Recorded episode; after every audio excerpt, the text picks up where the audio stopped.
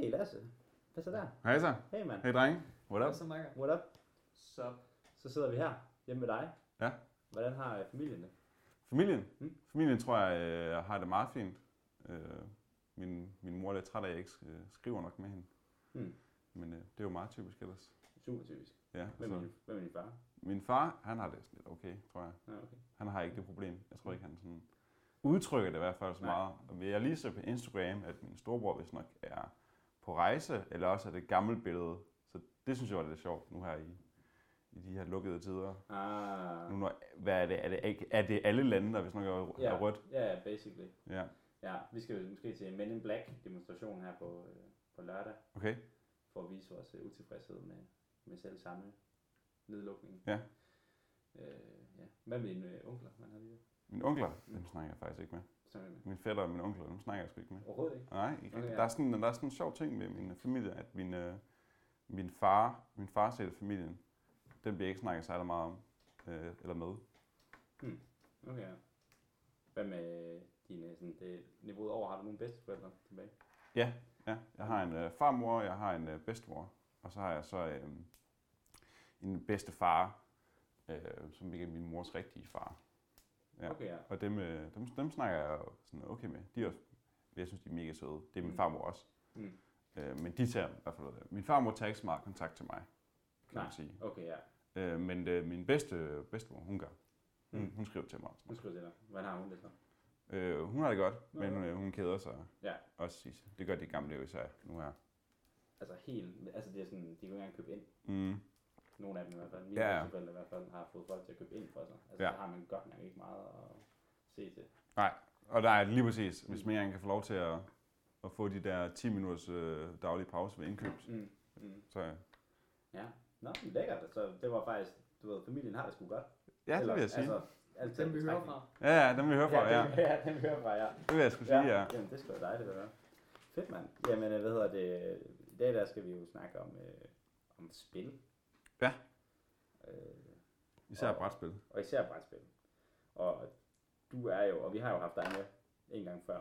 Ja. Øh, og dengang der skrev vi, at du var den største nørd, vi kendte Ja, i beskrivelsen, og så gik vi så, og så podcastet var så en lang diskussion om lore, ja. som en af de ting. Men du ved, når vi skriver, at du er den største nørd, vi kender, så er det jo ikke bare fordi, du ved noget om lore. Nej, Altså, så er det fordi, at du, er, du har dækket, du har hele spektrummet. ja, ja, Og jo. brætspil, det er så sådan, kan man sige, det er måske, vil du sige, at det er din main thing? Sådan, Det er min main thing. claim to fame. Main claim to fame? Ja, det kunne godt være, at det er det. Altså, øh, jeg har i hvert fald, øh, man kan sige, hvis man ser det i forhold til øh, for eksempel øh, med lore, så øh, er der flere rivaler på, i feltet, man kalde det.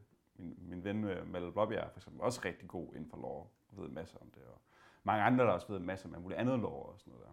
Men øh, jeg tror, brætspil angår, så er, er jeg af alle dem, jeg kender, den, der ejer flest, har spillet mest og, ja, og har, ved mest har, om og har lavet flest. og har lavet flest, ja. Måske den eneste, der har lavet nogen overhovedet. Ja, jo, jo jeg har lige Ja. en ven, Ejner, der også lige dypper lidt ned i Ja, det. det var, ja, ja, Ja, ja. det var, we all be dipping. Men han spørger også mig sådan noget nogle gange. Ja. Jeg er Ikke fordi jeg siger ekspert. Ja. Hvad? Jeg har også klippet et kort til. Ja, ja, præcis. Der, der er nogen, der har klippet sin altså. Mm. Det tæller vel også. Ja, ja, men, men lad os være enige i, den proces, der gik til, du klippede, den havde Lasse stået for hele vejen op til, at du sidder. ja, ja, ja, ja. ja. Men okay, sygt nok det. Men og du, og jeg, altså sådan, det er i hvert fald også, altså jeg er også enig, altså hvis jeg skulle sige, hvad det var, der var din claim to fame øh, som nørd, Ja. så ville det også være spillene. Ja. Øh, og øh, jeg vil sige, du er den person, der faktisk nærmest har bragt spil ind i mit liv. Ja. Sådan, du er den person, der ligesom er ansvarlig for, at jeg er blevet fascineret og glad for at spille. Ja. Det var slet ikke noget, vi rigtig har gjort i min familie. Nej. Så sådan, det, var, det var en ting, jeg opdagede sent igennem dig. Og det er altså fucking tak for det. Altså sådan, Jamen, jeg siger det tak for er rosen. fucking nice, altså. Men du laver spil, øh, Ja. og det kunne være interessant at blive klog på, hvordan du kom i gang med det. Så sådan, hvad, hvad var det, altså måske først, hvordan blev du interesseret i brætspil? Og øh, hvad var, hvornår var det, altså hvad var det første spil, du lavede, hvor du ligesom tog springet fra at være spiller til at være creator? Ja, ja øh, det, øh, hvad der lige, det er ret sjovt, fordi altså, øh, man har heller ikke rigtig i min familie været øh, spillet spil så meget igen. Men jeg tror, at noget af det første, der virkelig gjorde, at jeg begyndte at kunne forstå, at man kunne sådan lave om på spil øh, og, gøre det, og gøre det sjovt, det var, da, vi, da jeg spillede, da jeg hørte, min, øh, at min mor og min far, dengang at de stadig ikke var sammen, at man kunne, hvad hedder det nu, øh, at man, de havde lavet noget, der hedder Dræberludo.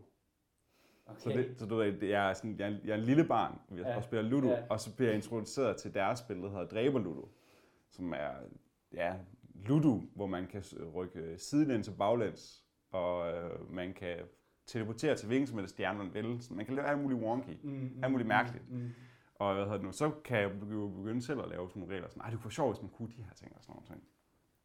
Og der starter der ligesom lidt en gnist i at begynde at lave, lave egen ting.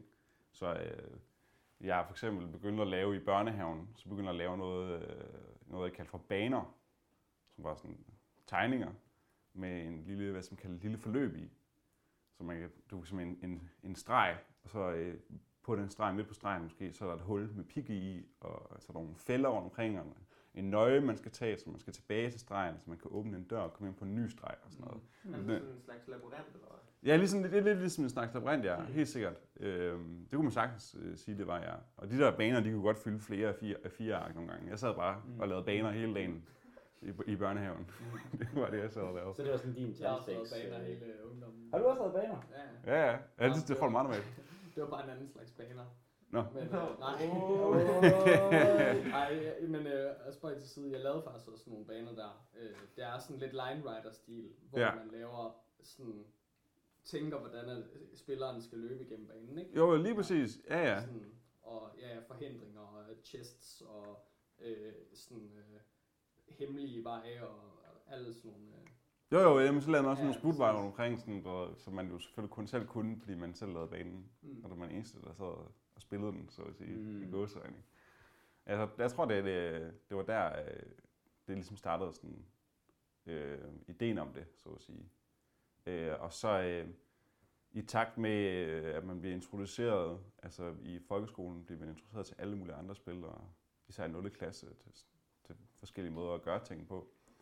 Øh, så øh, for eksempel, som øh, vi snakkede om tidligere, der vi med Pokémon-kort og, og Duel Masters og sådan noget der, der øh, begynder man jo også lige så stille at kunne finde ud af, at man faktisk egentlig kan bytte sig til, til forskellige kort og lave sine egne øh, samlinger af kort, Mm. og så kan man sådan måle om, hvad der, hvad der er fedest at have rundt omkring. Lige, lige præcis den del, den, øh, den tiltalte mig aldrig. Øh, det der med at have den fedeste samling. men, det der, men det der med at kigge på et kort, og så sådan have en idé om sådan, åh, oh, det her, den her drage er mega sej, fordi den kan de her ting og sådan noget. Og så som børnehavebarn, som jeg helt sikkert alle som kender fra Yu-Gi-Oh!, du ved, man ikke kunne reglerne og sådan noget, så fandt man ligesom selv lidt på reglerne. Mm. Mm. Mm.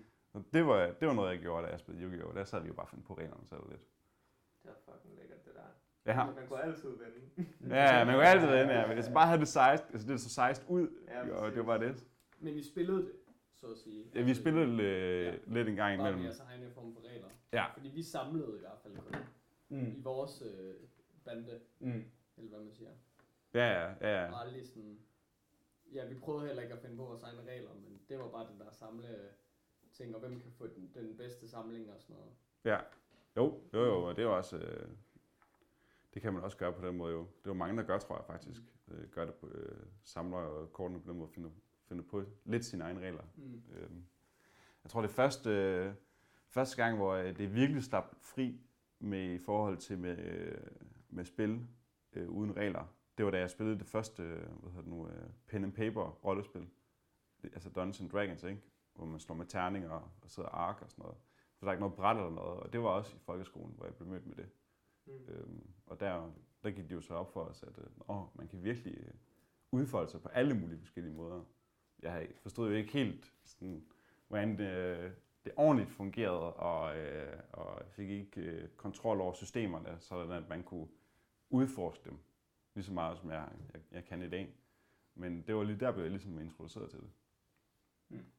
Okay, ja. Og, okay, ja. Så det er... Og, og så...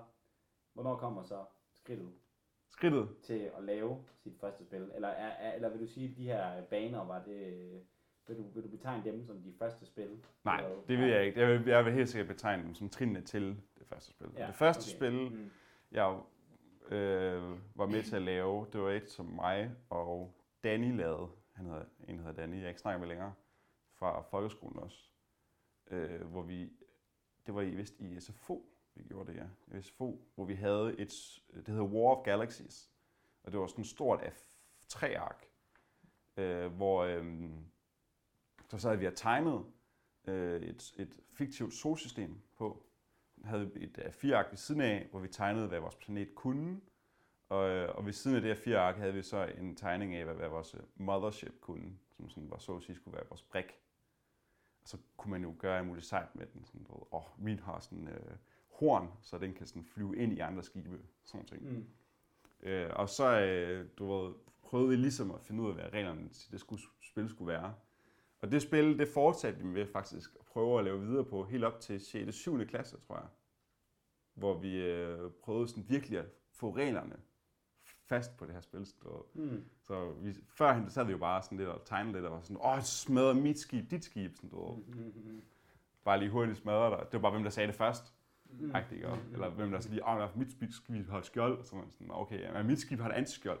Sådan noget. Det var bare det, det handler om. Ja, ja. Men kender det jo godt, ikke? Ja, ligesom, ligesom Yu-Gi-Oh! Ligesom Yu-Gi-Oh! Ja. Ja, ja, helt ligesom Yu-Gi-Oh! Ja. Men så begyndte vi at, at mødes.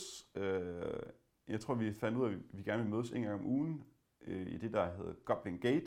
Der hvor, øh, hvad hedder det nu, øh, der hvor Gunzone er nu. Øh, virkelig et øh, nørdet sted, når man tænker bag. Mm.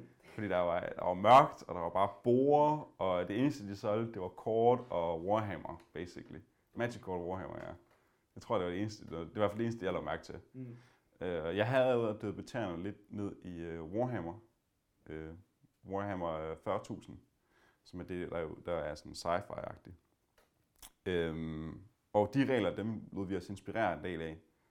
Så vi øh, begyndte at og, hvad hedder det nu, at lave øh, lidt ligesom Warhammer med at finde ud af, at okay, vi skal have hvad hedder det nu, øh, nogle evner til de forskellige figurer og brikker, og vi skal have nogle, hvad hedder det, nogle stats til de forskellige figurer og brikker. Altså, ligesom sådan systematisere det, ikke? Så sige, at øh, der er nogen, der har mere strength end andre, og dutten og datten og sådan nogle ting på det. Og finde ud af, at en eller anden måde balancere det på. Og, og så øh, mekanismen i, hvad sker der så, når der man prøver at tage planeterne og sådan noget. Og så begyndte vi at debattere ned i, øh, hvordan kunne man gøre det, lidt ligesom risky og sådan. Så, kan man, så skal man lige pludselig have et nyt A4-ark frem, som skulle forestille at være det der sådan battlefield, hvor folk de ligesom, hvor de to, to herrer slå, skulle øh, stå over for hinanden og slås. Mm. Mm. Ja. Jeg tror War of Galaxies, det var nok det første spil, jeg sådan virkelig begyndte at designe. Det lyder lidt som en øh, kombination af Heroes 3. Det lyder som en kombination mellem Heroes 3 og Twilight Imperium, vil jeg sige. Mm. Ja. Sådan, det, og det lyder sjovt nok også meget ligesom øh, War, hvad var det? War of Galaxies. War of Galaxy, Ja. Twilight Imperium. Ja, ja, men jeg kan godt se det, jeg kan godt se det. Ja, ja. Jeg har også tænkt på det mange gange. Destiny, ikke? Ja. Det er som det er skæbnen, at, sådan, at, Twilight, at du skulle finde uh, Twilight Imperium. Sådan. Ja. Helt Ja. sikkert, det tror jeg også. At jeg har, det har også været en stor del af det med, at, at jeg så godt kan lide Twilight Imperium, fordi at, ja, jeg tænker tit på War of Galaxies, når jeg spiller Mm. Twilight Mm. Imperium. Og det forklarer jo meget om din sådan, du ved, stamina også. Altså sådan, du ved, at når alle andre, de ligger der klokken, du ved, efter 9 timer inden Ja. er slukket, og så kører du bare stadigvæk på barndomsdrømme, ikke? Ja, jo, jo, de jo, jo. fucking fem år, du brugte på at udvikle det her spil, sådan, ja, ja, jeg kan sagtens tage fucking 10 timer mere, mand. i Ja, ja. Præcis, Ikke noget problem, præcis. Ikke noget problem. Ja, ja, det er helt rigtigt. Mm, mm. Jeg har den her flamme, flamme der kører mig videre på den Mm, måde, mm. fordi jeg virkelig også selv sådan sidder nogle gange og kan være sådan noget, jamen det var det her, jeg egentlig har prøvet at lave Mm. lige altså den, den gang, ikke? Mm, Mm, som jeg så sidder og spiller nu, Ja, basically. ja, ja, ja, ja. Jeg tænker måske lige for sådan at øh, gøre det lidt mere klart. Mm. Øh, når vi snakker om spil, så kan man snakke om ja, kortspil, Ja. man kan snakke om brætspil, og man kan snakke om ja, bordrollespil. Mm. Det du primært beskæftiger dig med, det er vel sådan nogle bordrollespil? Mm. Eller, ja, Jo, det går jo. sådan ud fra. Kan du sådan prøve at beskrive eller forklare det univers, og hvordan man spiller de her spil, og hvorfor de er så fede Jo, at lave og spille? Jo, jo. Øhm, brætspil er, er, er sjove på forskellige måder, ikke? Øhm, altså, øh, Kalleha er jo sjov, jeg tror jeg er ekstra sjov for en matematiker, ikke så sjov for, øh, og for, for børn også, som lige prøver at, at dø, altså finde ud af, hvad matematik er. Mm. Men hvad hedder det nu, øh, der, jo, jo, hvad hedder det nu, øh, flere temaer, der kommer ind, jo, øh, altså så er der forskellige målgrupper, det er jo klart. Sådan at, øh, for eksempel kunne man jo se, at risk er rigtig sjovt for dem, der synes, at øh, strategi og kris, eller Access and Allies er et godt eksempel, som er et 2. verdenskrigsspil, er jo pisse sjovt for 2. verdenskrigsnørder. Mm. Øh, men måske øh, er der nogen, der synes, at, øh, hvad hedder det nu, øh, at Pokémon er federe, eller at Magic er federe, fordi mere til det der eventyrsting. Øh, Eller 500. eller 500, ja. ja. ja. 500 er jo også ja, helt sikkert, ja. Jeg tænker tit på 500, fordi jeg synes virkelig, det er godt designet spil. det gør jeg virkelig, ja. ja, ja. Pisse irriterende, fordi det er, sådan, det er mega simpelt, men det er bare sådan rigtig godt lavet. Det samme med sådan, de gamle klassiske øh, spil, der er virkelig noget over dem. Altså for eksempel skak og poker. Jeg synes, skak og poker, de er nogle af de to, hvad som kaldes søjler for spil. Øh, fordi de har de er sådan to forskellige på hver deres måde. Altså, at poker er, handler om skjult information, hvor skak er det modsatte. Skak er det, man kalder et perfekt spil, perfect game, fordi alle informationer er tilgængelige for alle spillerne. Øhm, universet i brætspil, altså det består jo egentlig bare af, at man mø- har nogen, man mødes med. Det, det er de færreste brætspil, man spiller alene. Øhm, der findes nogen derude. Øh, man mødes med nogen, så man er flere om det, øh, og så har man en social kontrakt om, at der er nogle regler, der følges. Det står jo oftest i regelbøgerne. Øh, og så er der et mål, man gerne vil opnå. Øh, og det er jo oftest også en konkurrence om, hvem der når det mål først. Øh, og det, jeg, jeg tror virkelig, det er grund til, at det også er så fedt for, for, for mange mennesker, er fordi at, øh, at man ligesom kan få lov til at samles om det på den måde. Det er sådan et, ligesom et samlingspunkt, øh, som samtidig med det også er udfordrende. Mm. Så man, øh, man har ligesom tændt sine nerver, og ikke, man sidder ikke bare sådan og sover. Ikke fordi man bare sidder og sover, når man sidder og snakker vel, men det er, der er ligesom et niveau ekstra af, af, af energi i hjernen, der foregår. Men nu siger du der med, at det ofte er en konkurrence mellem hinanden. Men Ja. jeg tænker lige præcis med, hvad hedder det, sådan noget som bordrollespil, altså Dungeons Ja. and Dragons, der er Ja. det jo egentlig mere spillerne mod, øh, mod, ja, det ved jeg ikke, spillet. Jo, jo. Og det, altså, jeg ved ikke, føler du, det har en særlig appel, eller tænk, er det bare random? Laver du nogensinde spil, hvor at de spillerne er imod hinanden?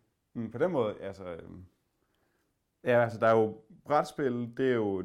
Der vil jeg sige, der er det oftest omkring... Øh, der er det oftest konkurrence. Mm. Øh, og det er det, som hvor brætspil og øh, pen and paper, altså øh, Dungeons and Dragons har, hvad hedder det nu, øh, til, fæ- øh, til fælles er, at hvad hedder det nu, man har den her sociale kontrakt om, vi følger en, et fælles system. Øhm, der hvor de så er forskellige, er jo selvfølgelig, at hvad hedder det nu, brættet har, øh, brætspillene har ligesom nogle, øh, et grundlæggende fastlagt regelsæt og et mål, hvor øh, Dungeons and Dragons ikke har, øh, ikke har hvad hedder det nu, et fastsat mål. Mm. Det er jo ligesom noget, man definerer sammen. Så øh, det er meget mere, at man sidder sammen jo og finder ud af, hvad der skal foregå. Øhm, og man kan sige, at øh, niveauet af fortælling, altså af narrativ, øh, er skiftende i forhold til brætspil og øh, Dungeons and Dragons. Fordi det er jo klart, at Dungeons and Dragons, der fylder narrativet øh, øh, det hele, hvis man spørger mig. Så det er det eneste det egentlig handler om, det er narrativet. Øh, det er det, er det ikke for alle. Men i hvert fald, det fylder i hvert fald væsentligt mere, end det Når gør du i et brætspil. Ja. Kan du lige uddybe, hvad, hvad du mener med det? Jo, øh, det jeg mener med det er, at hvad hedder nu, man har ligesom sådan et, øh, et, en historie, altså et forløb, en fortælling, hvor det er, at øh, der implementeres forskellige elementer. Det, altså, det er jo ligesom en film, hvis man har plot og hvad hedder det nu, øh, så der er ud, karakterudvikling, der er øh, hvad hedder det nu, øh, udfordringer, der kan skabes og løses på forskellige måder, øh, som, hvad hedder det nu, øh, som øh, er prædefineret alt efter, hvordan man har løst andre øh, udfordringer. Så et håndgribeligt eksempel er jo selvfølgelig, at øh, hvis man skal øh, have lavet bankrøveri i et spil, øh, altså i Dungeons and Dragons, ikke, så øh, kan det være, at det bankrøveri bliver rigtig svært at lave, hvis det er, at man øh, har slået den bedste tyv i byen ihjel. Mm. Så kan man jo ikke lege, hyre ham til jobbet.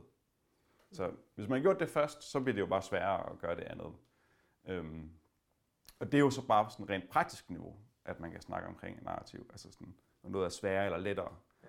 Altså øh, øh, fordele og ulemper. Men hvad hedder det nu, man kan jo også godt øh, gøre det med masser af andre ting, altså på andre måder. Hvis nu man har spillet et videospil som Skyrim eller Witcher eller de andre RPG-spil, så ved man jo meget hurtigt, at valg, de valg, man tager, de kommer til at have konsekvenser, som øh, for eksempel betyder, om man får øh, den rødhårede kæreste eller den sort- sorthårede kæreste. Ikke? Det er jo ikke, det er jo, der er jo ikke rigtig fordele og ulemper på den måde. Det er jo bare præference, ikke? Men altså, det, der er, noget, der er ligesom narrativ i det, at man gør det på den måde. Og det her er der ikke så meget, altså der er lidt i de brætspil. Jeg vil altid mene, der er, er en form for narrativ i brætspil. Det er det færreste spil, der ikke har det. Mm. Øhm, men hvad hedder det nu, det, det kommer bare ikke udtryk på lige på samme måde. Jeg mener, at, øh, at øh, de fleste brætspil, øh, efter hvad jeg kunne se, har mere sådan et, øh, jeg ved ikke, om man kalder det simplistisk, men øh, et, øh, et stærkere udtryk, så at sige. Altså, der er nogle brækker, og der er nogle felter, øh, der kommer på udtryk her. Hvor i Dungeons Dragons, der er der ingen, der er, jo, der er nogle spiller med brækker og felter, ikke? Men øh, der er mange øh, pen and papers, som ikke har brækker og ikke har felter. Øhm, og de felter og brækker, der er, det er, de er alligevel ikke på forhånd øh, defineret, øh, og oftest bliver lavet om på, hvis de er. Mm. Det, det, for, og det der, det du siger der, ikke? Sådan Ja. med den her balance mellem øh, et narrativ og nogle fastsatte regler, det får mig så til at igen at vende tilbage til Twilight Imperium, ikke? Ja. Fordi det, det fremstår som et, en sjov blanding Jo. mellem de to ting, ikke? Altså sådan, øh, og måske kan du bare lige prøve, fordi, og du ved jeg ikke, nu har, vi har jo også vil spørge dig, hvad det bedste, det bedste spil er, men lad os nu bare antage, at Twilight Imperium ligger i hvert fald deroppe af. Ja. Ikke? Øh, kan du ikke lige prøve at forklare, hvad Twilight Imperium går ud på? Fordi det er jo et spil, vi alle sammen har spillet herinde, øh, og nogle har været større fans af det end andre. Ja. Øh, men øh, ja, kan du prøve at forklare, hvad fanden det, det her Twilight Imperium det er, det går ud på, og, og, og hvordan ja, og om du er enig i den her tanke om, at det faktisk blander de her to elementer sammen på sådan en Jo. rigtig syg måde. Jo, jo, jo, det kan jeg godt gøre. Øhm, det er jo, øhm, Triumph Imperium er også et rigtig godt eksempel på det, altså at bruge til det, fordi at det netop blander, øh, blander, man kan jo ikke sige blander alle, men blander nogle af, øh, nogle af de allerstørste og vigtigste øh, hvad hedder det nu, kernesager, eller kerneting, altså sådan core mechanics, i, øh, hvad hedder det nu, i brætspil, øh, til et brætspil. Det er ikke det eneste, der gør det, men jeg mener, at det, det er en af dem, der gør det bedst. Øhm, Twilight Imperium, det går ud på, at øh, der, historien bag det er meget kort, at øh, man er, vi er langt ude i fremtiden i, i øh, vores univers, øh, og øh, man spiller nogle, en forskellig race hver. Øh, så har man en hjemplanet, man starter på, og så skal man øh, øh, flyve, altså bevæge sig ud med sin rumskib, øh, som man køber, og hvad hedder det nu, øh, kolonisere øh, galaksen, sådan at man, man kan forøge, altså for, hvad hedder det nu, øh, sin, sin imperie, gøre det større. Øh, og så skal man bytte sig frem til mere magt, øh, og købe sig frem til mere magt, øh, for til sidst så at øh, kunne vinde ved at vinde, hvad hedder det nu, øh, victory points, som det hedder. Også meget typisk i brætspil, man har noget, der bare hedder victory points. Er en måde til op på, hvem der vinder. Øh, spil gør det på lidt forskellige måder. Nogle de slutter efter 10 runder, og så siger de, hvem har flest. Mm. Øh, det gør Smallworld for eksempel. Andre, de ved, det nu, øh, gør sådan, at øh, hvem der enden først kommer op på 10, det er jo Triumph Imperium, der gør det. Så bliver det sådan lidt til et race at spille. Øh, vinder. Øhm, og hvad skal man kalde det? Der er ligesom indgroet, altså alt efter hvor store spillene er, så kan man sige, øh, der kan være indgroet forskellige grader af narrativer. Øh, og i Twilight Imperium, der er der et, øh, et okay stort øh, narrativ i, eller hvad som kan kalde udtryksfuldt narrativ i. Fordi om på bagsiden af hver ens øh, ark, hvor man har sådan en race på, der er der jo øh, to af fire sider, eller sådan noget, to normalsiders øh, lore omkring rasen. Og så følger der også et, så er der sådan et kompendium med, man kan læse på 30 siders lore. De har endda også skrevet en bog for nylig faktisk. Mm. Øhm, så Men jeg tror også, det jeg tænker på, når jeg siger narrativ, det er for eksempel det her med political. ja, Du ved, at du rent faktisk har sådan nogle, du ved, pen and paper øh, situationer, hvor i at mennesker, der er selvfølgelig nogle regler, men det er der jo også i Dungeons and Dragons, ja, men hvor man rent faktisk skal sidde som personer og forhandle Ja. med hinanden i et ret sådan abstrakt rum, du ved. Hvor Ja. det sådan, altså sådan, der er selvfølgelig nogle ting, der skal gøres og så videre, men alligevel er det meget sådan, kommer det ned på at snakke sammen og forhandle jo. som karakter. Ja. ved. Altså Jo, sådan, jo. Der kommer hele den der sådan, på den måde sådan narrativ del ind i det, ikke? på en eller anden måde. Sådan at her sidder vi og spiller et spil, og nu skal vi løse nogle ting, men vi har så at sige ikke nogen sådan, du ved, definerede regler eller terningeslag, der kan hjælpe Ja. os her. Her er det bare nogle mennesker, der så Ja, her er sidder bare os to, der, der prøver at Ja. finde ud til en Ja. god byttehandel. Mm, præcis. Og der er, hedder det nu, øhm, er det jo også defineret af, hvad for en race man spiller. Øh, så altså, et godt eksempel til, at vi bytter med, det er, at der er nogle løver. Det er de mest kendte fra Triumph Imperium. Det er dem, der er sådan ude på deres, øh, deres cover af, af boksen, af æsken. Øh, de hedder Hakan, og det de gør, det er, at de har masser af ting at bytte med. Mm. De har masser af penge at bytte med. Øhm, det hedder commodities og trade goods. Øh, og det definerer jo om, hvad hedder det nu, hvem man har lyst til at bytte med, og hvordan man bytter. Alt efter, altså, så de vil gerne bytte med penge, andre vil måske gerne bytte med nogle andre ting. Det Altså, nogle har, er for eksempel rigtig gode til at slås, så de kan jo bytte tjenester. Så på den måde så er der ligesom allerede kanaliseret en idé om, hvordan de forskellige karakterer eller raser, de ligesom øh, forholder sig og opfører sig i, øh, i politik og byttehandel. Og det er så det, man spiller, spiller ind til. Øh, og det, det er altid, altid sjovt at se, hvordan det er, at, at nogle folk de gør det modsatte ved det. Og Mm. hvordan det tit også, i hvert fald i min, når jeg har set folk spille det, at det kan så gå galt for dem.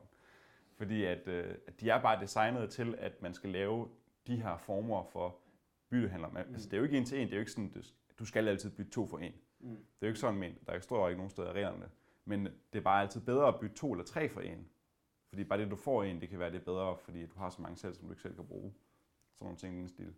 Jeg håber, det var det, du spurgte om. Ja, jo, jo, jo, men altså, det jo, altså. Men det du siger, det du siger, hvis jeg forstår det ret, er det ikke, at hvis øh, man har det her narrativ for eksempel omkring Hakan, Ja. som er de her øh, trader guys, Ja. og man kan vælge at, øh, hvad skal man sige, follow the lines af det narrativ, der er lavet til den race, mm. Mm. Ja. øh, og spille den på den måde, som den er tiltænkt at blive spillet, Ja. hvor at det, sådan som jeg forstod dig, oftest ser man, at det egentlig, så bliver det ret vellykket, og der er folk, der vælger at gå stik imod, Ja. hvad, hvad narrativet egentlig var tiltænkt, men Ja, ja, så ser man, og ikke at det nødvendigvis er sådan, fordi der er så meget, mange variable i spillet, Ja. øh, men at man ofte vil se, at så går det faktisk galt. Jo. Øh, var det ikke? Jo, lige præcis. Altså det med, hvis man, hvis man øh, det var det, fordi det er jo et stort mysterie på, jeg kan ikke lige øh, huske, øh, hvordan øh, han lavede, øh, hvad hedder det nu, øh, Twilight Imperium, om han startede med at lave raserne og deres, øh, altså hvad som kalder det, deres historie, altså deres narrativ først. Altså man startede med at finde på, at det skulle være en løve, og løven er mega rig. Og så derefter fandt på mekanismerne til. Det er jo forskelligt, hvad man gør, når man designer lidt. Det er jo altid lidt en blanding af, at man, og man får en fed idé omkring, at det skal være en løve, og så efter det, så finder man måske ud af, at det er sådan en, der skal bytte. Og nå ja, så kan jeg lave sådan et system her. Eller om han lavede øh, byttesystemet først, og så introducerede løven bagefter, for at kunne læne sig op af det her byttesystem. Fordi, hvad hedder det nu, øhm, man kan jo sige, at så finder man jo ud af, at det her, den her mekanisme i et spil skal komme til udtryk igennem den her, øh, den her race, som det så er, den her brik. Øh, og derfor så skal den her brik bruges på den her måde. Altså for eksempel ligesom i Settlers of Catan, hvor der er en tyv. Altså den kan du jo bruge på, altså du kan bruge den på forskellige måder på lås den bedste spiller fra at få sine ressourcer. Øh, altså tyven har jo to funktioner. Man kan enten stille den øh, i et øh, sted, sådan at folk de ikke kan hvad hedder nu, få ressourcerne fra det system, indtil den bliver fjernet igen. Men samtidig med det, så får du også lov til at tage en ressource fra en, en af dine modstandere.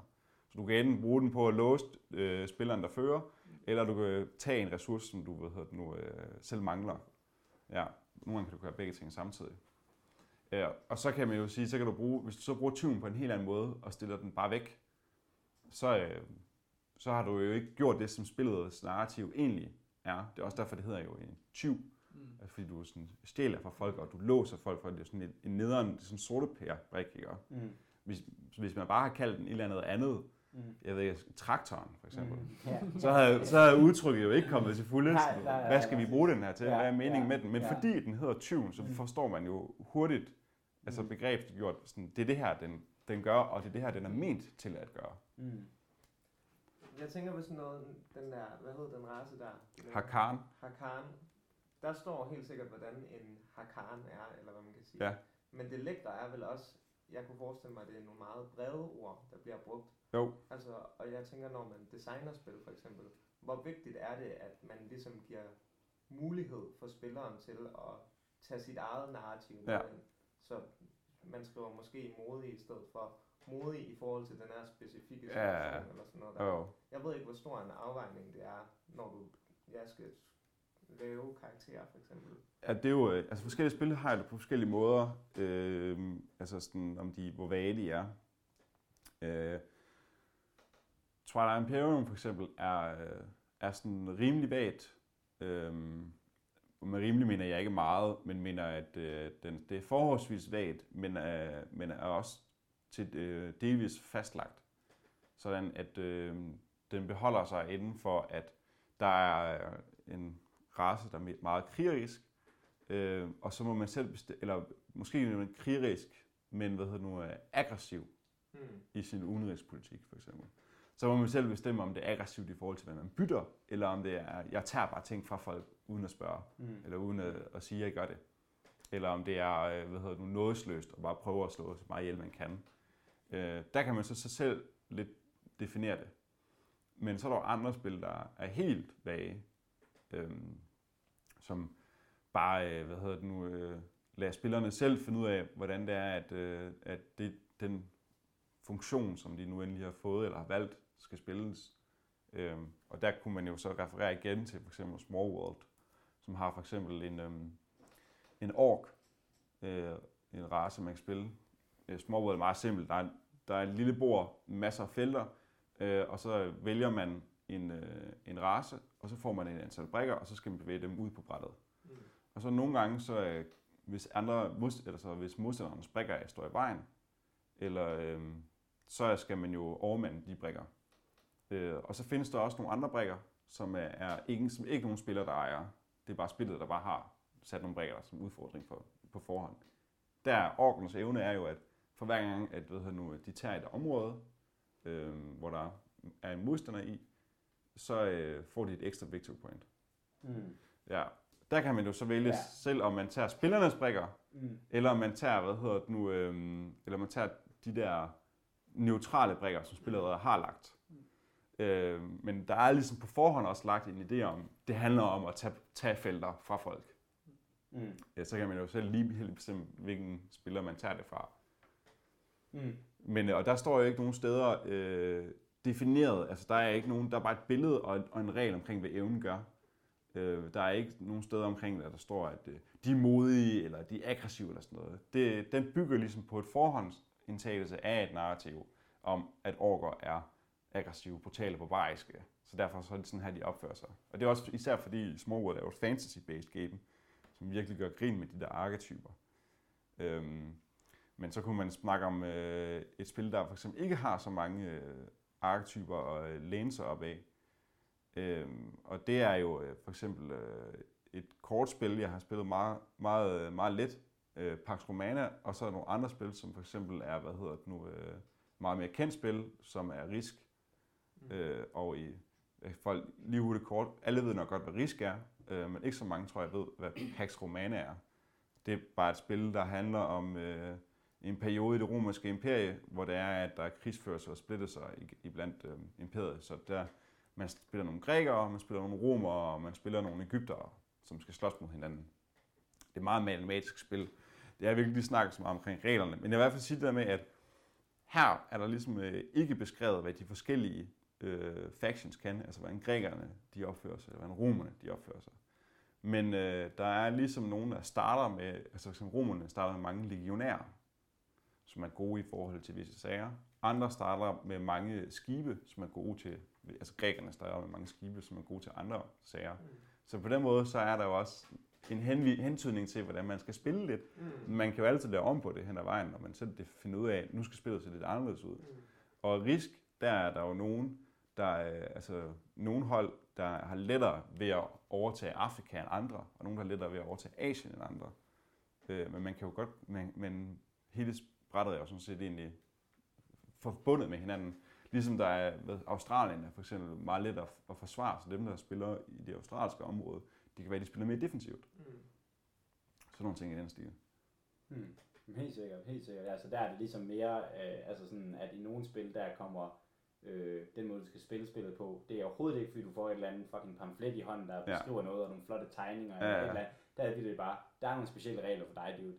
Øh, og så må du gøre, hvad det vil, og så kan man måske på den måde bruge sin fantasi. Og det er også meget sjovt, så skal man også selv tænke, ah, når det er derfor, Ja. yeah. er gode til det, og de er gode til det, fordi bla bla bla, så kan man sidde og have nødgas om man Ja, lige præcis. Lige præcis, ja, ja. og det er også meget sygt. Men okay, men det, det jeg så tænkt på, det er der, okay, fordi det er fucking sygt, du ved, du ved så fucking meget om det her, ikke? Ja. Sådan, du ved, og du har spillet så mange spil, ikke? Jo. Så du har alle de her overvejelser, og man kan også tydeligt høre, at du på en måde rent faktisk har reflekteret over, du ved sådan, Ja, hvordan spil egentlig fungerer. Altså, Ja. hvad er det egentlig, der sådan er, du ved, sådan nogle universelle regler, eller hvad man skal sige, der går på tværs af spil. Men når du så selv laver et spil, altså sådan, hvordan, hvordan er din proces omkring det her? Altså sådan, sidder du også med de her ting, hvordan, altså sådan, har du sådan, sidder du og tænker, okay, jeg vil gerne lave et spil med det her, jeg vil gerne have narrativ, skal fylde så meget, jeg vil gerne have bla bla bla, altså sådan, ja. hvordan, altså hvordan er din proces der? Min proces er, jeg laver helt sikkert overvejelser omkring, øhm, øh, hvor meget et narrativ skal fylde i spil, når jeg laver, øh, når jeg, når jeg designer spil. Øh, og jeg er personligt selv mest interesseret i narrativfyldte spil.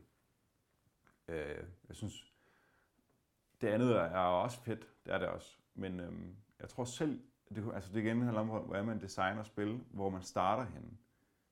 Personligt selv så starter jeg øhm, i, hvad hedder det nu, øh, i, i, i narrativdelen med at finde ud af, for eksempel, hvordan skal spille et spil, hvor skal det starte henne, og så i hvilket, for eksempel, hvilken tidsalder, hvilket univers skal det være i. Og så derfra kan det bygges ovenpå. Jeg har lavet et, øh, et øh, jeg vil selv kalde det halvfærdigt, fordi brætspil er faktisk ret svære at gøre helt færdigt. Det skal, det skal playtestes i, øh, i mange år, før man kan gøre det, gøre det komplet. Og så skal brækkerne jo designes og sådan noget der. Så der er jeg ikke nået til nu med det spil. Det hedder øh, Saga, et Saga-spil. Jeg har i hvert fald kaldt det Saga indtil videre. Øh, og der handler det om, at, øh, at det, det foregår på, på Island. Altså, ideen kom af, at jeg, at jeg var interesseret i islandske sagaer. Og jeg vil gerne hvad hedder det nu, prøve at se, om jeg kunne, øh, kunne manifestere det i systemer, i brætspilsystemer. Så der var det, handlede det jo mere eller mindre om at, at udfolde saga-historier øh, og lade hvad hedder det nu, spillerne udforske dem også igennem spillet. Øhm, og så se, om jeg kunne implementere øh, for eksempel nogle sjove scener, eller hvad som kalder det, øh, og få idéer omkring dem, og så smide dem ind til at blive til et system. For eksempel en af de, øh, en af de fede ting ved Saga er tit, at øh, der er en, eller anden, en, der hedder Ravnkel for eksempel, der rider afsted i en af sagaerne, og så, men de ved ikke, hvor han rider hen. Så derfor så tænkte jeg på, okay, men så lader jeg mig inspirere af det, så spillerne, når de bevæger sig, så hvad hedder det nu, øh, ved de andre spillere ikke, hvorhen spilleren har bevæget sig hen. Mm. Så man lægger, der er, det skulle forestille dig et islandsk kort, og så er der forskellige felter, man kan rykke rundt på. Ligesom, lidt ligesom Afrikas stjerne. Mm. Øh, så man kan ligesom bevæge sig fra A til B til C og sådan noget rundt. Det er nok et spil, som de fleste kender, ja.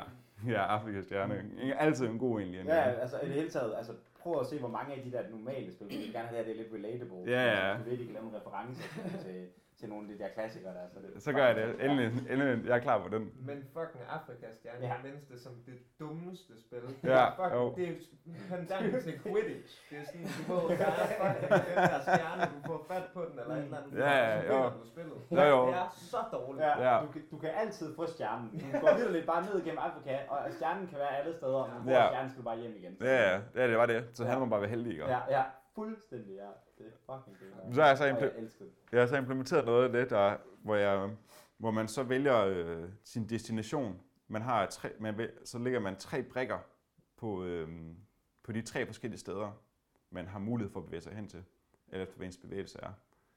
Øh, og kun en af de tre brikker indeholder rent faktisk øh, den brik, hvor man bevæger sig hen på. Så to af brikkerne er grå, og den ene af brikkerne er rød, for eksempel, som siger, at det her er den røde øh, spiller bevæger sig hen på. Mm. Så når man lægger sine brikker, så ved den- de andre spillere jo ikke, hvad en af dem rent faktisk er rød, fordi at, Mm. øh, hvad hedder det nu, bagsiden vender opad. Så på den måde, så, kan så skal man prøve at udregne, "Åh, hvor vil han egentlig bevæge sig hen og sådan nogle ting. Så det synes jeg også er ret spændende. Og det er noget, jeg fik uh, inspireret fra. Noget, jeg også virkelig godt kan lide at gøre, det er at lade mig inspirere andre spil, fordi øh, der er nogle fede idéer, som andre spil har, som så, hvad hedder det, nu, man så kan øh, bruge på nye måder. Øh, det er også meget typisk, at brætspil gør det. Altså sådan er det jo med alle franchise, alle brancher, at man lige sådan låner lidt af hinanden. Mm. Men Game of Thrones øh, boardgamet for eksempel har også det der element af, at det er skjult, hvad man gør. Så man lægger først sine øh, hvad hedder det nu, øh, brikker med bagsiden opad, så modstanderen ikke kan se, hvad man har lagt. Og når man så øh, alle har gjort det, så viser man på skift, hvad for øh, et felt, der har hvilken brik, og hvilken handling den, det så betyder. Altså, der er en brik, der har en økse på, der Mm. betyder, at man angriber. Så man kan angribe steder, der, hvor modstanderen ikke forudså det jo. Det er det, der, den der, der er den der uforudsigelighed. Og så kommer vi igen til poker. Altså tilbage til poker jo, som er, er et uh, unperfect game, et uperfekt spil, fordi der er skjulte uh, elementer i, uh, i det spil til, til, tilgængelige. Ja, eller til stede hedder det, ja. Mm. Og det er jo, uh, ja. er tæller held med, tæller held med som en, altså der gør det til perfekt og uperfekt, fordi ja. Ja. jeg tænker, der er jo også, øh, ja, bare i poker for eksempel, der er der jo også det der med, at du kan trække et bestemt kort. Ja jo. Øh, Jo, jo, du kan være heldig at trække øh, Pocket Rockets 2 S'er ja, for eksempel. præcis, Ja, ja. Præcis. Men jo, altså held er jo en uh, held er jo basically uh, et stykke information, der er ukendt. Mm. Fordi du ved, du kender jo først information, når, det, når den er sket, agtigt, ikke? Øhm, så derfor så er alle spil, der har held i sig, de er uperfekte spil, som man kalder det. Så kan man jo så, altså, altså det held øh, er jo virkelig et, øh, jeg som kalder det, elefanten i rummet nærmest, når man gælder, når du snakker om spil. Mm. Fordi det, at øh, nogle spillere bliver jo utrolig frustreret over at være uheldige. Andre spillere bliver, synes, at det er virkelig fedt at være heldig, for eksempel. Mm. Der er en, øh, en tynd linje at gå mellem der, hvor- hvor- hvordan skal held komme til udtryk, øh, og øh, hvor- øh, hvor meget af det skal det være i en spil. Ja, og der øh, personligt selv, der kan jeg, jeg rigtig godt lide spil, hvor der er øh, så lidt held med som overhovedet muligt. Og hvis der er held, at det så kan, hvad hedder det nu, korrigeres på en eller anden måde. Er det ikke også nærmest sådan, man definerer forskellen på en sport og et spil? Kommer jeg til at tænke på. Jo, det tror jeg. Jeg Altså- tror, øh, jeg tror øh, spil, altså jeg tror ikke, man kan være heldig i, øh, i sport så Nej, meget. vel, du kan ikke kalde noget, du kan ikke have et held element, og så kalde noget en sport, ikke? Altså Nej. Sådan, så vil det ikke være længere være en sport. Nej. Tænker jeg umiddelbart i hvert fald. Nej. Altså Ja. det, det handler jo om at være, ja, skills, det er det, sport, sport handler jo om at have færdigheder, og Mm. færdigheder bliver blokeret af, af held, fordi man kan ikke bestemme over sit held. Jeg er ikke helt sikker på den Oh, den definition. koger derovre, den koger derovre. Men øh, så? der er nogle andre mening for Benjamin måske. Ja, ja. Men jeg, jeg er ikke sikker på det. Så Nej. nu udfordrer jeg bare lige det statement, Ja, som der lige blev påstået. Ja, Men det kommer for det første an på en slags definition på held, tænker jeg. Mm. Fordi lad os sige, at en fodboldspiller sparker en bold på mål, og at den så tilfældigvis rammer 18 forskellige spillere, og så rører i mål. Men Ja. det er kun på grund af den her mærkelige afretning. ja, ja. Altså, det er vel også en form for held. Jo, jeg kan også se, hvad du mener, jo. Altså, han Altså, bare- trækket er bevidst. Man kan sige, han har i skyder, retning mod mål, så hvis de Præcis. ikke var der, ville den ikke ramme. Ja, men han ved ikke, hvad udfaldet kommer til at være Ja. spark. Eller hans udfald er i hvert fald heldigvis inden for målrammen, når der kommer et mål. Så Ja, men min counter til, vil, vil, til det vil være, at han, han, han så at sige, han har mulighed for at vide, at de er der. Han Mm. ved godt, at spillerne er foran ham, så at sige. Altså sådan, du ved, det er ikke sådan, at der bare kan ikke, kan, trods der ikke kan være en spiller i vejen for ham, så at sige. Du ved, ved et tilfælde. Altså han har, så at sige, med sine øjne, eller sådan, du ved, med sin, du ved, hvis han havde uendelig tid, så at sige, ville han godt kunne regne ud, hvor skuddet ville komme hen. Ikke? Mm. Der er ikke, der er ikke en skjult information. Al information, der er, der, der bliver relevant for udfaldet af hans beslutning, er tilgængelig for ham. Det er så et spørgsmål, om han er presset, du ved, og bla bla bla, at man ikke rent faktisk kan regne det ud. Mm. det er det. Men, altså, men, men, men det er ikke skjult. Det er ikke vildt prohibited for ham at finde ud af de her ting. Mm. Altså sådan, du ved, ud over Nej, de men det er- praktiske spiller. Men jeg tror, der er sådan en smertegrænse for held, hvad angår Det det. er Altså, altså sådan, hvad der kan anses for at være rimeligt og, øh, at forhindre øh, spillers øh, skills at komme til udtryk. For eksempel at sådan noget som, øh, hvordan vindet, vejret lige er, mm, i, når det gælder fodbold, at det, det nu, det er en, den er ikke over smertegrænsen. der, der tror jeg, man vil sige, at jo, det er, altså man, man kan være heldig og sige, at de her, de er lige, spiller lige på en regnfuld dag, og de er pisse gode hold, når de, når de spiller på regnfulde dage. Så der var de heldige at vinde. Men hvad hedder det nu, jeg tror, øh, for eksempel, øh, hvad hedder det nu, øh, hvad hedder det nu, Meyer for eksempel, Mm. at der, der er det meget mere, sådan, du ved, der er smertegrænsen jo bare øh, helt væk, altså den langt over smertegrænsen, for det jo bare vildt, hvad man har slået med sine terninger, og så kan man så lyse lidt frem til det og tilbage til det, men der handler det rigtig meget om det, så jeg tror, det er fordi, at held fylder så meget i, i de her heldbaserede spil, at man ikke kan gøre det til en sport. Nej, det vil være mit... Øh...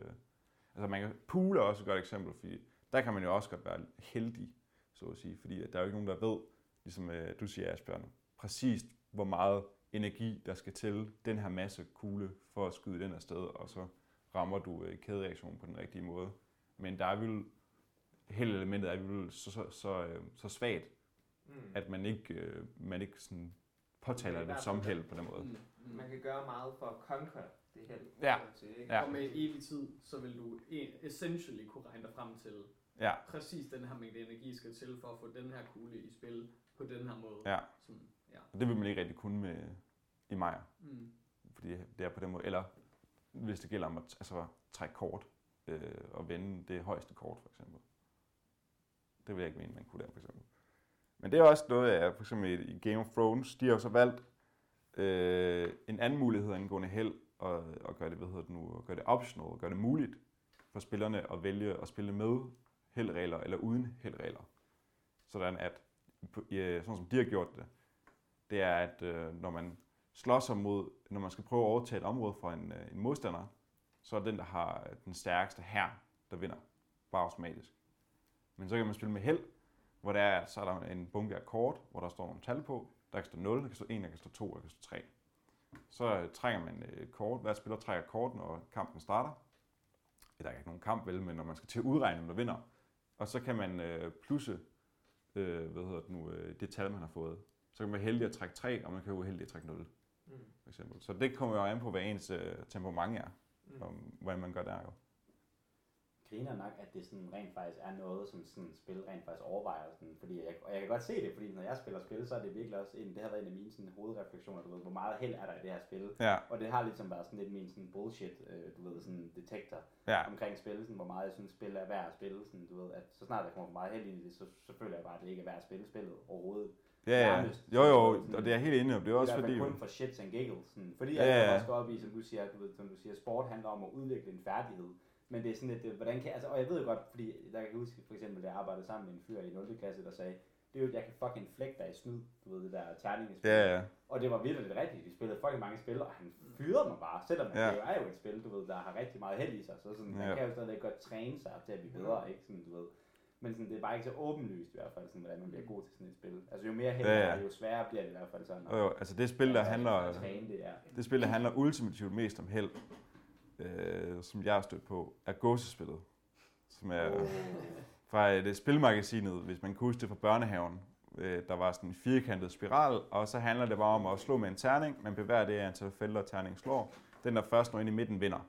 Igen et fucking lortespil. Ja, præcis. Ja, det, er det. det er virkelig et dårligt spil. Og der er, det, der, er ikke nogen, der, er ikke nogen, der er ikke nogen valg. Og graden af valg er med til at bestemme også omkring færdigheder, fordi der så præsenterer sig der sådan nogle valg, og de valg kan være bedre eller dårligere. Øhm, og så kan valgene jo så være prædefineret af held, eller blive efterdefineret af held. Altså sådan, øh, var jeg heldig at slå en sekser, øh, og så kan, så kan jeg jo så bevæge mig måske op til seks felter, kan man sige. Jeg finder lige hurtigt på noget. Øh, og det er altid bedre selvfølgelig end at slå en etter. Øh, men så kan det også godt være, at man siger, at øh, man kan altid kun bevæge sig tre, men så øh, kan man så måske være sådan, at øh, der er forskellige muligheder, mulige felter at ramme på, og hver felt man rammer på, der vender man så et kort, og så sker der noget. Og der kan det jo så være heldig, efter du har taget valget. Der, der, er så, øh, der kan ligesom være to forskellige måder at held rigtig præsentere sig på. Det er det der, om det er prædefineret, altså sådan, du slår med terningen først, eller om det er efterdefineret, du vender kortet efter du har rykket dig. Så bestemmer du selv, hvad for en af de bunker af kort, som du gerne vil vinde. Giver mening. Ja. Nu siger du godt nok, at øh, du godt kan lide spil, Ja. hvor at der ikke er særlig meget held med. Mm. Men nu har jeg jo den insider knowledge, Ja. at et spil, som du godt kan lide, Ja. rigtig meget, Ja. håber jeg, men ellers har du brugt alt for mange ja. Det er Magic. Ja, Magic the Gathering. Magic the Gathering, som Ja. det hedder kortene. Ja, Hvor der jo er rimelig fuck meget held i. jo, det må man sige. Jeg synes selv, det er et fucking sjovt spil. Ja. Men hvad er det så, der gør Magic the Gathering til et fedt spil? Jo, men altså, man kan sige, øh, et spil, der slet ikke har noget held, for at tage det i perspektiv, er jo selvfølgelig skak. Det kan man... Øh... Åh, oh, det er løgn. Kom jeg nemlig til. Er det rigtigt? Er der held med? Eller hvem der er først? Præcis. Ja, det er rigtigt. Der er held om, hvem der er først. Mm. Fordi at øh, så, øh, hvid vinder 2% mere, eller sådan noget stil er det vist. Hmm.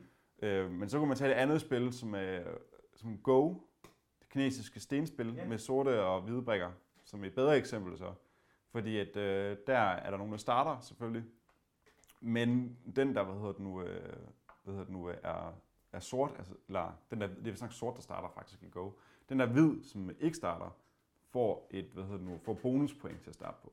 Mm. Så de starter vist nok med 3,5 point det, eller sådan noget. Øh, for en, en form for balance, for at negere den effekt. Men øh, lad os nu bare snakke om skak alligevel, for det kender folk. Øh, skak var der minimal øh, øh, heldfaktor med. Der, hvad hedder det nu, øh, der øh, kommer valg, øh, altså ag- agensen, øh, spillernes agens, den kom, det er ligesom også lidt, lidt mindre, altså af hvordan det er, spillet ligesom øh, egentlig, hvad hedder det nu, øh, bliver unikke i sig, i form af, hvad for nogle valg man tager. Men, så der er nogle spil, altså der var nogle træk, der for det meste er bedre i skak. De første otte øh, træk, for eksempel i skak, er øh, på professionel plan øh, næsten forudsat. Dem kan, dem kan folk udenad. Så hvis man har set en lynspil skak, så sidder folk bare og laver træk, klik, klik, klik, klik, klik, klik, klik, og skifter tryk hele tiden på uret, fordi de ved udmærket godt, hvis det er den her åbning, der bliver foretaget, så bliver de her otte træk bare sket automatisk. Så det handler bare om lige hurtigt at komme igennem det, og så begynder de måske at tænke bagefter og sådan finde ud af, hvad for nogle træk de så skal lave. Øh, man kan ikke, jeg kan ikke fornærme skak så meget at sige, at der slet ikke er nogen fri vilje og, og valg i, fordi det er der jo selvfølgelig. Øh, men, øh, men set i forhold til for eksempel i Magic, øh, hvor, øh, som jo virkelig er et spil, der baserer sig på øh, unikke spil, frivalg øh, og en blanding af held, øh, så er det jo sådan, at i Magic, at man vælger selv sin egen samling af kort, øh, og samler det, altså samler sit dæk, som det hedder. Et dæk består af 60 kort, øh, oftest. Øh, og øh, så, hvad hedder det nu, øh, finder ud af, hvordan skal, skal mine kort, og hvordan skal mit dæk fungere? Hvilke mekanismer af Magic the Gathering-spillet skal komme til udtryk i mit dæk? Og nogen hvad hedder det nu, øh, vil gerne gøre, øh, nogen vil gerne slå meget på folk og angribe dem, andre vil gerne øh, skyde folk meget med, øh, med lightning bolts og lignende. Øhm, og der kan man jo være heldig at, at, at, at trække en lightning bolt lige på det rigtige, øh, lige på det rigtige hvad hedder det nu, øh, tidspunkt, eller man kan være uheldig ikke at trække den. Og øh, der kan man så korrigere sit held. Der har de, fordi de har ikke gjort det rent heldbaseret, ved for eksempel at sige, du må godt spille med fire lightning bolts i dit dæk. Så ud af de 60 kort, så fire af dem er, er en lightning bolt. Øh, og så kan man jo så, hvad hedder det nu, øh, gøre det samme med de andre kort og sige, mine kort skal virkelig fokusere sig på, at der skal være mange af de her, øh, de her lightning bolts, og mange af de her thunderbolts, kalder vi dem så også. Så to forskellige kort, men så er der otte af dem, der gør næsten det samme i det hele dit dæk. Så derfor er chancen, altså sandsynligheden, det handler om at sandsynlighedsmanipulere, større for, at man kan øh, udfolde sin, øh, sit dæks mekanisme. Ja, det er i hvert fald en ting, som jeg personligt godt kan lide ved det. Det er, jeg synes egentlig ikke altid, det fede ved Magic, det er at vinde. Mm. På grund af, så skulle man bare lave et dæk, hvor du havde masser af counterspells og masser af, hvad hedder det, lightning balls. Ja, ja. give en masse skade og sørge for, at modstanderen ikke kan give dig noget skade. Ja, ja. Men lige præcis det her med at få lov til at dykke ned i en mekanisme og sådan vinde. Der er tusind forskellige måder at vinde på. Jo. Det synes jeg i hvert fald er. Ja, Der er virkelig stor frihed til at bygge et dæk, som man vil. Ikke? jo, jo. Jamen, det er helt enig i. Det er helt sikkert, det Magic the Gatherings øh, store styrke er, at man kan det. Øhm, og, man ligesom, og det er også derfor, Magic, tror jeg, er så populært, og det vi snakker rigtig meget om, øh, det er det, noget af det gode ved Magic, det er netop, at det er et form for selvudtryk. Mm. Øhm, det er der også nogen, der siger, at skak er. Øh, og det tror jeg på, at det også er. Men øh, jeg tror, jeg synes Magic gør det, øh, en gør det på en anden måde, ja, Mm. som flere kan læne sig ind i. Mm, det er mere personligt, Ja, fordi du kan bygge det fucking dæk selv. ja, sådan. lige præcis. Du sidder vildt og kigger på 50.000 mere, 50.000 plus kort, og så vælger du frit ud fra dem, hvordan øh, du, dit dæk ligesom skal se ud. Øh, og hvordan du gerne, altså for eksempel, du kan finde ud af, om du gerne vil have sådan nogle store dinosaurer, og, sådan, og spille dem på banen, og føle, at du er fucking sej. Det hedder en Timmy, for eksempel. Magic har en, fire forskellige arketyper. Nogle siger kun, der er tre, men jeg mener, der er fire forskellige arketyper i, øh, i Magic. Dem vil jeg ikke så meget ind på lige nu, men øh, der, er, der er den her ene arketype af spillere, som bare gerne vil spille nogle store øh, kort og øh, sidde og råbe og være fucking sej og have den der optur og lave noget, øh, en, en, en stor eksplosion. Mm. Så er der andre, der er mere sådan kalkuleret, som sådan gerne vil, rigtig gerne vil vinde ved at outsmart, altså sådan, øh, at udspille sine modstandere. Ved for eksempel at smide en counterspil og sige, du får ikke lov til at spille det her kort alligevel, fordi jeg modspiller det kort med mit kort. Øh, og vil sidde og bruge lang tid på at lave kombinationer af effekter, som modstanderen måske ikke havde regnet ud.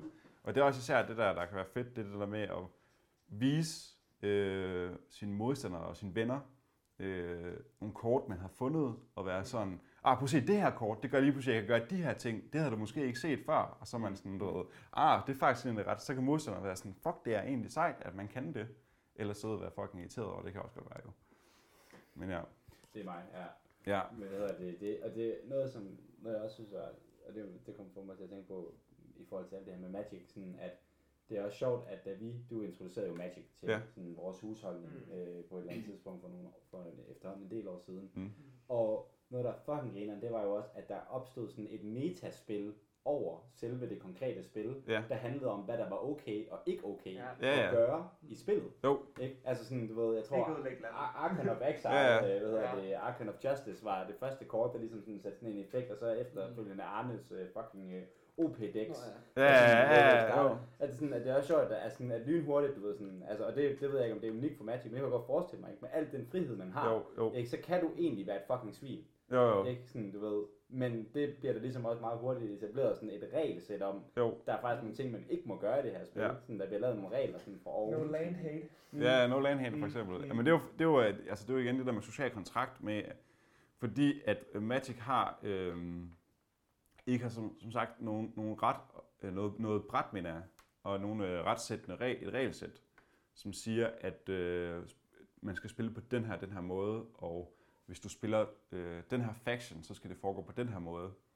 Så øh, er Magic jo bare et, øh, hvor man mødes, og så, så øh, finder man bare ud af, hvad det er, man egentlig laver selv. Øh, og så må man jo øh, selv beslutte sig for, øh, eller sammen beslutte sig for, hvilken øh, social kontrakt der skal få være i forhold til, om hvilke kort der er okay eller ikke er okay. For nogle kort, de gør bare sådan, du kan ikke spille kort næste tur. Altså, du, du kan ikke spille næste tur. Og det er jo pisse kedeligt for modstanderen. Så derfor så bliver man rimelig hurtigt enige om, det gider vi sådan set ikke at, at, at spille med. Det gider vi ikke at have med i, i vores udgave af Magic. For der står ikke i reglerne, at man ikke må spille med dem. Men det er fint nok at slette ind til tekste. Ja, ja, det er selvfølgelig helt undtaget, ja. Ja, ja, det er sådan noget andet, ja. ja.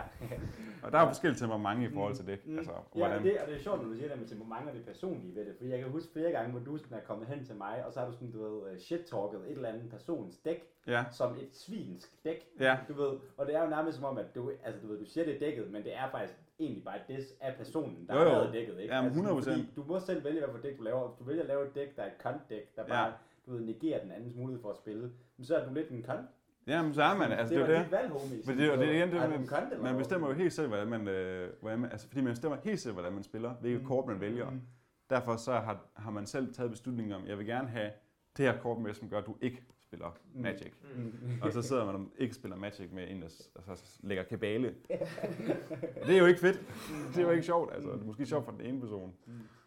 Ja, og det, øh, det er altså så også en af, af altså sådan generelt trading cards games, som Magic the Gathering er blandt af, Yu-Gi-Oh! Pokémon også er. Øh, hvad hedder nu, svagheder. Det er jo det her med, at man selv vælger, øh, hvad man gerne vil spille med, så derfor har man også muligheden for at læne sig op af noget, der slet ikke er sjovt. Og hvis et spil har et øh, formål øh, generelt, så er det helt sikkert det at, øh, at være sjov. Så det er underholdning, og det skal være Det skal være et, sjovt spil at sidde og mødes om. Og så er der så altså, nogle spil, der rent faktisk bare er sport næsten. Altså man kan, jo- det er jo, der er jo altid nogen, der har kritik af, af, hvad man siger, og lige når det gælder om, at jeg siger, at spils kernefunktion er at være sjovt, så er der sikkert nogle professionelle skakspillere, der, Der kommer og dræber dig. der kommer og dræber mig en nat, jeg, og slet ikke mener, det, jeg siger, det rigtigt. Men jeg vil mene, at det er det, er det at have det sjovt, som det hele handler om i sidste ende. Så det handler ikke om, at der nødvendigvis skal være et narrativ, for eksempel. Nej. Fordi jeg, Ja. øh, jeg kom, det var bare Benjamins antagelse øh, helt fra starten om, Ja, ja. du måske bedst øh, kunne lide spil, der havde et, øh, der, jeg kan ikke huske, jeg tror måske, at du bare sagde brætrollespil, ikke? Jo. Eller hvad hedder det, bordrollespil. Ja. Øh, og jeg, vi så snakkede om D&D tidligere, og det er lidt lige gået lidt øh, dødt Ja, ja. i vores øh, gruppe. Og øh, jeg tror, problemet der, sådan som jeg har forstået det, så er det nok essentially lidt, nemlig til, i forhold til hvad du siger nu, at der er to forskellige for- forståelser af, hvad det er, der er sjovt. Der er Ja. nogen, der egentlig gerne vil have øh, the full-born narrative Ja. øh, rollespils ting, og der Ja, ja. er Og nogle andre, der er Timmys, var det Øh, Jo, Timmy. Tennis, ja, øh, skal bare øh, have lov til at ja, og Fight. øh, fight og slå med en terning og øh, whatever, om det så er held eller og hvad der er sådan mm. skill, men i hvert fald den del af det, der ikke er sådan øh, nar- narrative Jo, jo. baseret. Action. Ja. Hvad var spørgsmålet? Nå ja, øh, mit spørgsmål var nok egentlig øh, i forhold til den antagelse, om du vil sige, fordi øh, nu det er sådan tre, der er også et, ikke D&D, men Knights of the Dragon Kingdom, som du selv har lavet. Ja. Twilight Imperium og Magic, føler ja. jeg, står lidt som i mit hoved som tre kandidater, der jeg vil gætte på var din, dit yndlingsspil. Jo. Øh, og essentially er det sådan, som jeg ser det, sådan vidderligt tre forskellige, helt nemlig øh, grader af magic, som vi er, lige er blevet argumenteret for, er sådan, øh, hvor held-elementet stadig er der rimelig Ja, hårdt. ja. Øh, du har Knights of the Dragon Kingdom, som vi dog ikke har snakket om, men det kan du eventuelt gøre, men Mm. som er øh, full-born narrative, og du Ja. har Twilight Imperium, som umiddelbart virker sådan Rimelig lagt. rimelig øh, locked, Ja. sådan skill, øh, Ja, ja. øh, hvor det var en taktisk øh, strategimæssigt. Sådan. Så jeg ved ikke, hvad om der... Hvad Er kan du det, hvad kan man sige ved det? Hvad, Ja. er det? Betyder det, at du egentlig elsker alle spil? øh, Det gælder bare om at have det sjovt, at det skal være et godt spil? Eller øh, sådan, kan man sige noget om, hvilken slags spil du bedst kan lide? Ja, altså, men... Øh, øhm, for mig, jeg synes i hvert fald selv, at øh, jeg synes virkelig, det er sjovt med narrativer i, øh, i, i, i ting, men også især i spil. Der, der synes jeg, det er en af de hovedelementer, der, øh, der virkelig kan bære spil frem. Men med det sagt, så er der også rigtig mange spil derude, uden narrativer, der er rigtig sjove. Øh, og øh, så er øh, overtrum for det er jo selvfølgelig min narrative lyst, fordi at øh, nogle spil har bare nogle fede mekanismer. Øh, de, nogle spil bliver så, altså Looping Louis, som øh, folk kender for eksempel, har jo ikke noget narrativ, men er stadig pissegrineren. Men det er også en sport. Er det jo også en sport, eller hvad? Det tror jeg. Der er jeg ved ikke, meget held er i det, Du vidste- snakker om det. Looping Louis var på vej. Du har al den information, hvor du skal bruge i den situation. Ja, præcis. Du har uendelig tid til at regne ud, hvordan du presser på knappen. Det fedeste mesterskab på jorden. er sådan Looping Louis. Tre nørder, der bare sidder sådan. Klik, klik, klik, Ja, klik. det er Sun Chang Yen øh, fra øh, Ja, ja, dobbelt øh. Koreanerne tager gulden igen. Han er, øh, man kan se, at han har taget sine Yonex handsker på her. ja, ja, præcis. Lige sådan kridt på fingrene. Ja, men det, og det er jo også sjovt stadigvæk.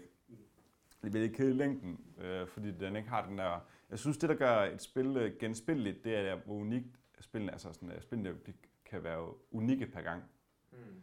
At Magic er, øh, bliver meget hurtigt unikt, øh, alt efter hvad man spiller det selvfølgelig øh, per spilgang, fordi at man har, du trækker jo ikke 60 kort, altså de samme kort i løbet af de, altså i hele dit dæk i hvert spil. Øh, Louis er meget repetitivt, fordi at det er det samme hver gang. Øhm, og selv så er, er narrativt spil, det der tiltaler mig så meget ved narrativt spil, er jo blandt andet, at det er unikke spil, der kommer hver gang. Øh, men øh, også at generelt fortællinger, synes jeg er pissefede. Så det er også derfor, jeg blandt andet laver min egen spil, fordi at øh, jeg, jeg kan få lov til at, at implementere de her fortællingsmetoder på, øh, altså i, i form af regler, simpelthen. Øh, og Nice Dragon Kingdom, som jeg er et, øh, hvad hedder det, øh, nogen kalder det homebrew, men det er et hjemmelavet øh, rollespil. Øh, lidt ligesom Dungeons and Dragons. Øh, pen and paper, som man jo kalder det. Øh, hvor det er, at narrativet fylder rigtig meget. Øh, der, og man, så kan man jo så snakke om nu her, for eksempel i, øh, hvorfor det er, jeg ikke synes, Dungeons and Dragons er så sjovt igen.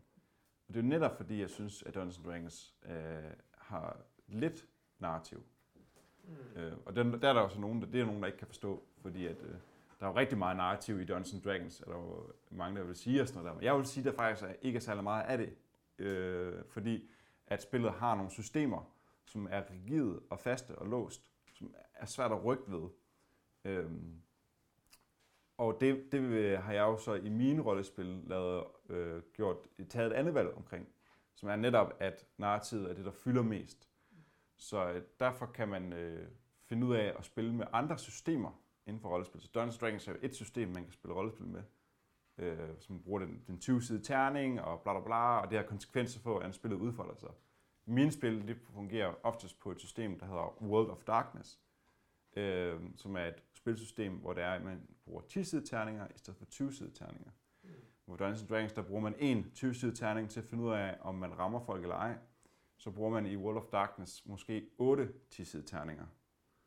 Og så kan man jo så se, øh, at der lige så stille kan udfolde sig forskellige måder at komme til udtryk på, øhm, som systemet ligesom prædefinerer.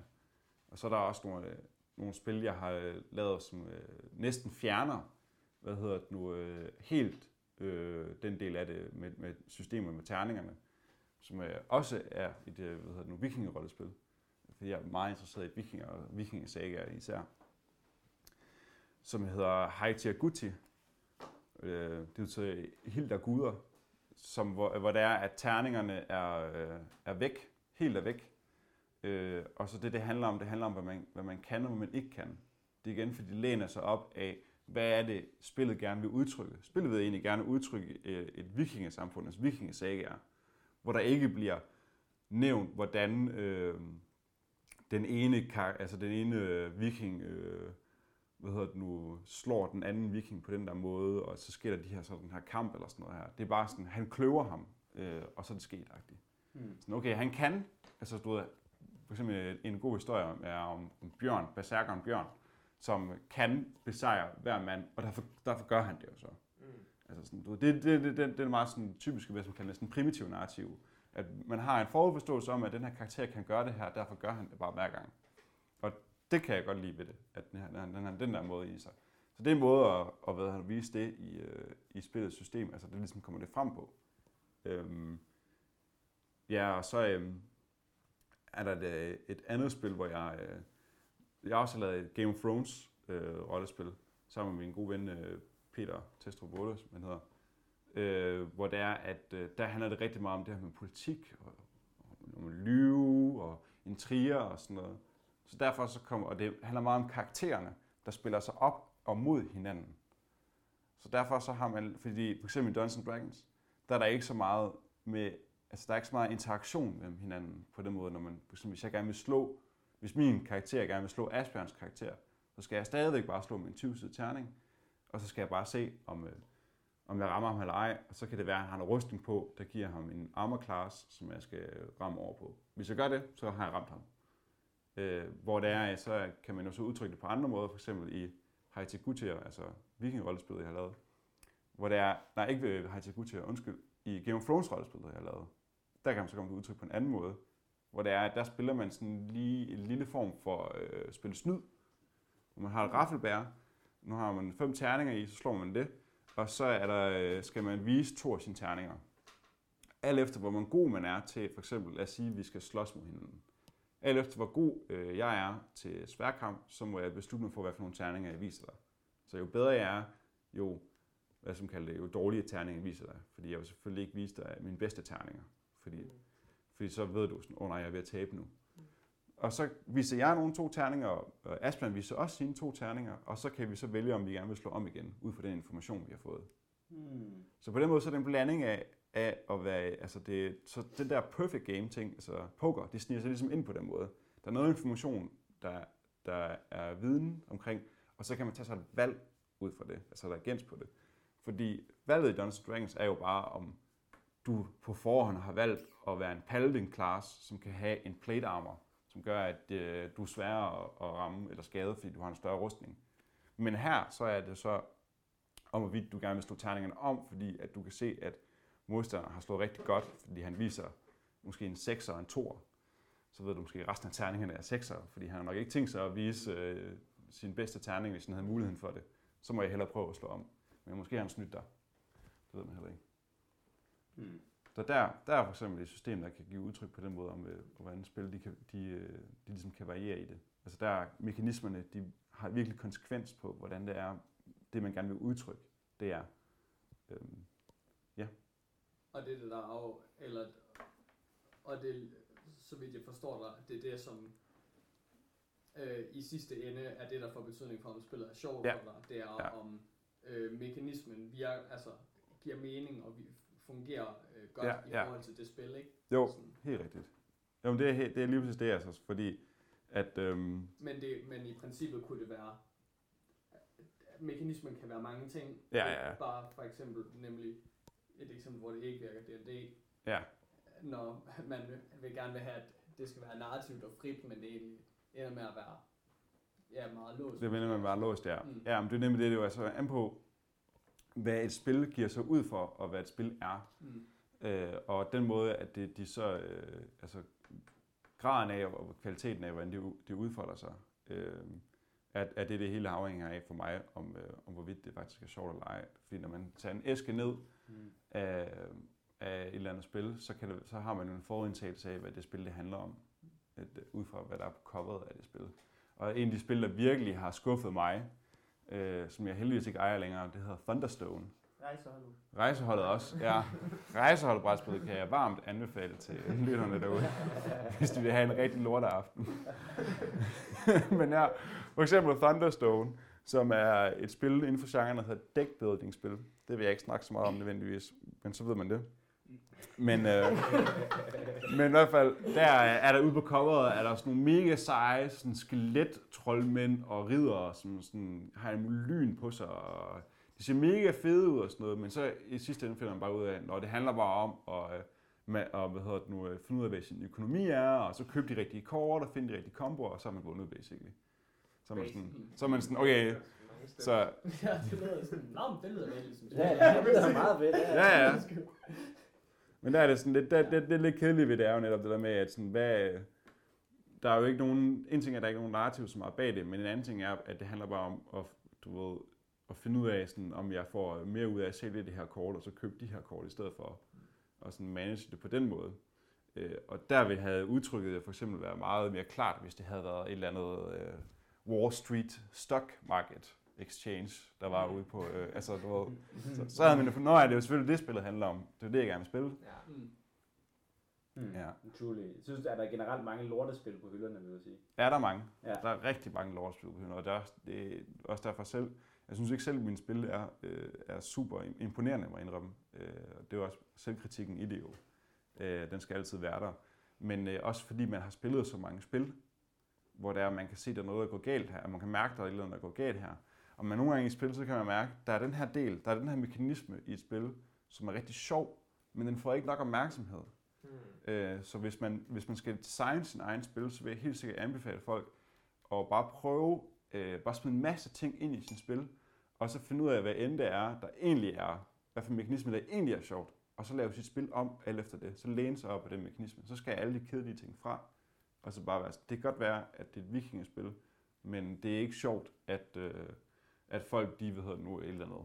Taber. Sejlskib. Ja, folk de dør for eksempel, eller sejler med skibe, ja. Det er ikke sjovt, at folk sejler med, spi- med skibe, så derfor så fjerner vi det, fordi at den del af spillet er simpelthen ikke, øh, ikke underholdende nok. Og det er, der er nogle spil, der, er, der kommer til ikke at gøre. Og det, det går ud om. Mm, ja, jeg kan godt forestille mig, at man nærmest skal have det på begge sider. Altså man kan have et spil, der bliver lort, fordi det bevæger sig for meget væk, som du siger. Ja, For eksempel øh, det der Thundercloud. ja, Du ved sådan, at det bevæger sig for meget væk. Altså reglerne, så at sige, passer bare slet ikke til spillet. Ja. Du ved sådan, og så kan du også have nogen, hvor på en eller anden måde reglerne nærmest passer for godt. Ja. Men det er nærmest, du ved, til, på bekostning af spillet. Altså sådan, du ved, det er perfekt, at der er et eller andet sejlemekanisme i vikingespil. ja. Men du ved, den regel er bare ikke sjov. Altså, Ja, sådan, jo, jo. Og så Thundercloud er ligesom det andet eksempel, ikke? Sådan, Jo. du ved, øh, at det simpelthen bare er... Ja, du har måske bare kogt det for meget ind til en, et mekanisk spil. Ja. Så der er ikke nok i harmoni med selve, du ved, sådan narrativet, eller du ved, temaet, eller sådan på den måde, sådan det spillet ligesom prøver at udtrykke. Sådan. Ja, ja, og det, og det er jo ligesom en balancegang, man skal have der. at man skal have, have lidt af det hele i sig. Øhm, og man kan jo ikke basere hele sit spil kun på øh, de få sjove mekanismer, der er. Der er vi også nogle, nogle gange nødt til at være nogle lidt, lidt øh, noget lim af regler. Nogle regler, nogle mekanismer, som limer det hele sammen. Øhm, ja, altså... Øh, man kan sige, at øh, altså for eksempel Magic er også igen, Magic the Gathering er et godt eksempel på, øh, på det der med sjove mekanismer i spil. At, øh, at man måske har dem, altså for eksempel det der med, at man gør, at modstanderen ikke kan spille spillet. Altså, det er jo ikke en sjov mekanisme på den måde, men den er stadigvæk til stede. Mm. Øh, så der, der er der nogle, simpelthen nogen, der mener, de har hoppet i, øh, i den fejl. Øh, men det er jo også, man kan sige, at kritikken i forhold til Magic the Gathering er jo, det uh, trading card games i det hele taget er jo spil, der bliver udløbet i, over lang tid, og der bliver introduceret nye kort øh, fire-fem gange om året jo. Så sådan, den viden, spildesigneren skal have om deres egen spil, er jo Mm. umuligt Øh, at have til at vide sådan, Nå ja, der er en kombination her, der, der eksisterer derude, alle de øh, 50.000 kort, som vi ikke lige over, over, havde overskud for at kunne se. Det, det er jo ikke helt fair at kritisere dem for det. Men når det gælder sådan nogle andre brætspil, som bliver, bare bliver printet og så designet, og så smidt, altså smidt ud, eller designet printet og så smidt ud, der har de jo siddet i en, øh, en lang proces og finde, kunne finde ud af at balancere, hvordan det, er, det hele skulle foregå, og vælge, hvad for nogle der skulle vise, man skulle til og fra. Øhm, så der, hvad hedder det nu, øh, der synes jeg, at, øhm, at det er rigtig ekstra ærgerligt, når det er spillene, de så går galt på den måde. Mm. Ja. Mm. Klar. Ja. Nej, det var lige præcis. Ja, det var- ja. det, var det jeg som... Ja, det, så det, får du, det, det må du gøre så. Skal jeg så gøre Så det? gør du det. Ja, umiddelbart har vi nok ikke fra den her side mere Ja. at spørge om, men jeg ved ikke, Lasse, om du øh, har et eller andet, øh, du brænder inde med, et eller andet, som du føler, det her bliver nødt til at dele med verden omkring spil. Det Ja. kan være din holdning til Besserwisser, det kan være, jeg ved ikke, hvad, om du har et eller andet, du føler, du skal slutte af med. Jo, altså, jeg, øh, jeg vil gerne slutte af med varmt at anbefale øh, alle at øh, prøve at sætte sig ned og spille nogle spil med, med deres venner øh, og familie.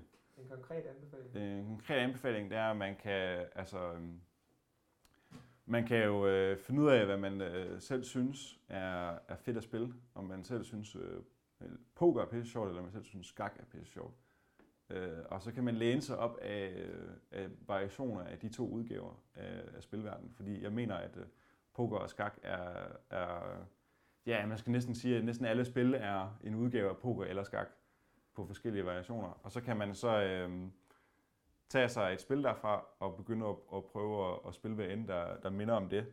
Øh, og hvis jeg skulle sige et spil, som folk skulle prøve at spille, øh, hvis de slet ikke har prøvet at spille spil før, øh, så tror jeg, en, en, øh, en god start vil være øh, enten Small World eller Shadows over Camelot.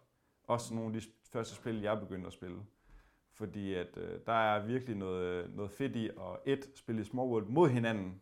Øh, det er humoristisk og simpelt.